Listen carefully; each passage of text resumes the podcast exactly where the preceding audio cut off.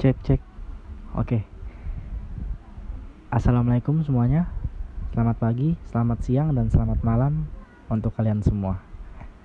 Perkenalkan, nama saya Renasal Gunawan dari Pendidikan Bisnis A 2018 Fakultas Ekonomi Universitas Negeri Jakarta.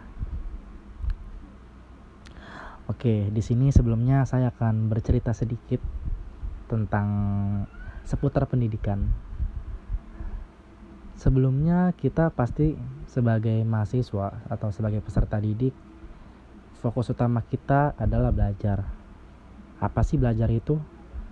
Belajar adalah suatu proses yang kompleks dan terjadi pada semua orang serta berlangsung seumur hidup.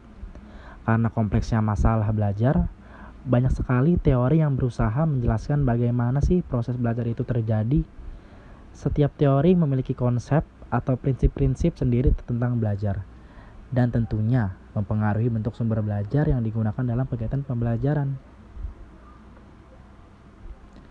Lalu saya mempunyai uh, suatu studi kasus tentunya.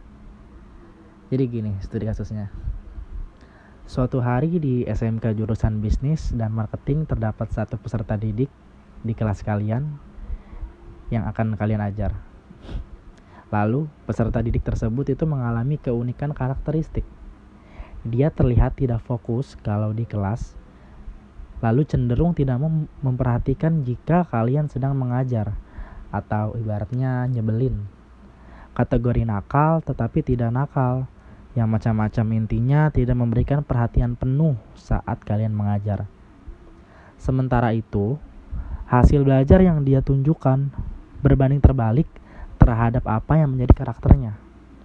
Setiap ujian atau ulangan, dia selalu menduduki posisi lima besar di kelas. Dan itu membuat kita sebagai guru heran di kelas. Terlihat seperti tidak memperhatikan, tetapi setiap ada tes dia mampu menyelesaikannya. Lalu apa tanggapan kita atau solusi kita sebagai pendidik untuk mengatasi peserta didik yang mengalami karakteristik tersebut. Tentunya dalam konsep pendidikan itu ada namanya Ganyan Nine Event. Nah, gimana strategi kita untuk mengatur pola perilaku peserta didik tersebut agar menjadi lebih baik tentunya.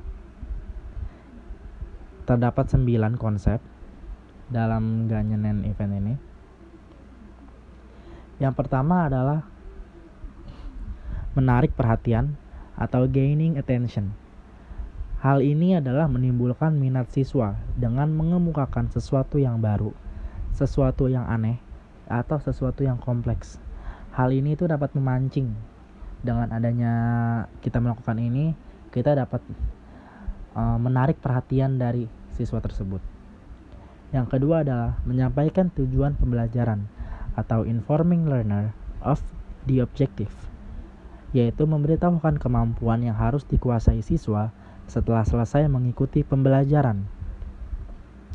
Yang ketiga, mengingatkan konsep atau prinsip yang telah dipelajari atau stimulating recall of prior learning, yaitu merangsang ingatan tentang pengetahuan yang telah dipelajari yang menjadi prasyarat untuk mempelajari materi yang baru.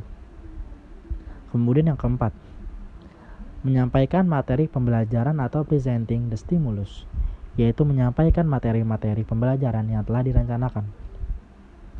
Yang kelima ada memberikan bimbingan belajar atau providing learner guidance, yaitu memberikan pertanyaan-pertanyaan yang membimbing proses atau alur berpikir siswa agar memiliki pemahaman yang lebih baik. Selanjutnya yang keenam, memperoleh kinerja atau penampilan siswa. Dalam kata lain, eliciting performance, yaitu siswa diminta untuk menunjukkan apa sih yang telah dipelajari atau penguasa, penguasaannya terhadap materi tersebut. Yang ketujuh ada memberikan balikan atau providing feedback, yaitu memberitahu seberapa jauh ketepatan performance siswa. Selanjutnya ada menilai hasil belajar atau assessing performance, yaitu memberitahukan tes atau tugas untuk mengetahui seberapa jauh siswa menguasai tujuan pembelajaran. Dan yang terakhir, adalah memperkuat retensi dan transfer belajar atau exchanging retention and transfer yaitu merancang kemampuan mengingat-ingat dan mentransfer dengan memberikan rangkuman, mengadakan review atau mempraktekkan apa yang telah dipelajari. Dari prinsip belajar ganya ini berbeda-beda dengan prinsip dari teori sebelumnya. Prinsip Ganyan ini lebih memusatkan perhatiannya pada kompleksitas belajar manusia yang memiliki keunikan yang membedakan dengan spesies yang lain. Jadi, belajar menurut Ganyan ini adalah seperangkat proses yang bersifat internal bagi setiap individu sebagai hasil dari transformasi rangsangan yang berasal dari peristiwa eksternal di lingkungan individu yang bersangkutan.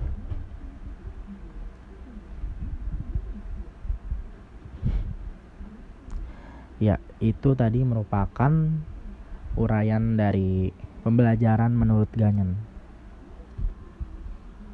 Dengan penerapan 9 peristiwa belajar tersebut, guru itu dituntut untuk dapat membangkitkan motivasi belajar dari diri siswa.